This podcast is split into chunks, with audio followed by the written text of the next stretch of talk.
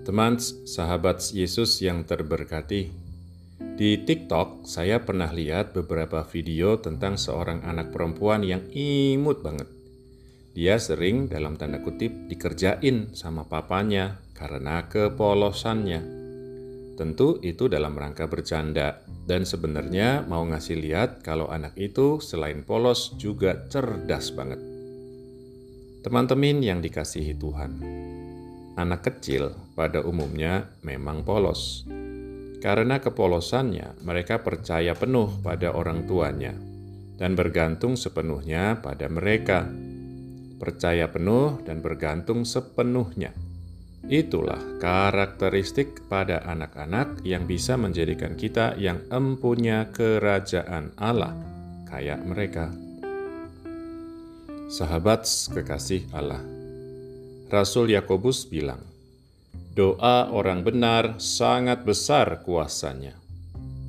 Kayaknya nggak salah kalau saya bilang karakteristik orang benar itu antara lain ya itu tadi, percaya penuh dan bergantung sepenuhnya pada Allah. Dia percaya penuh bahwa Allah itu maha kasih dan maha kuasa, menghendaki yang terbaik untuk manusia dan bisa ngelakuin apa aja dengan kuasanya. Karena itu, dia juga nggak bakal maksa-maksa Tuhan untuk ngelakuin yang dia pingin. Justru dia yang berjuang banget untuk ngelakuin apa yang Tuhan mau dan terus ngegantungin hidupnya pada tangan kasih Tuhan. Makanya doa orang benar gede banget kuasanya karena sesuai selaras sama kehendak Tuhan. Sis and bros, murid-murid Yesus Seiring waktu, umur kita emang bertambah, dan mungkin banyak hal lain juga bertambah.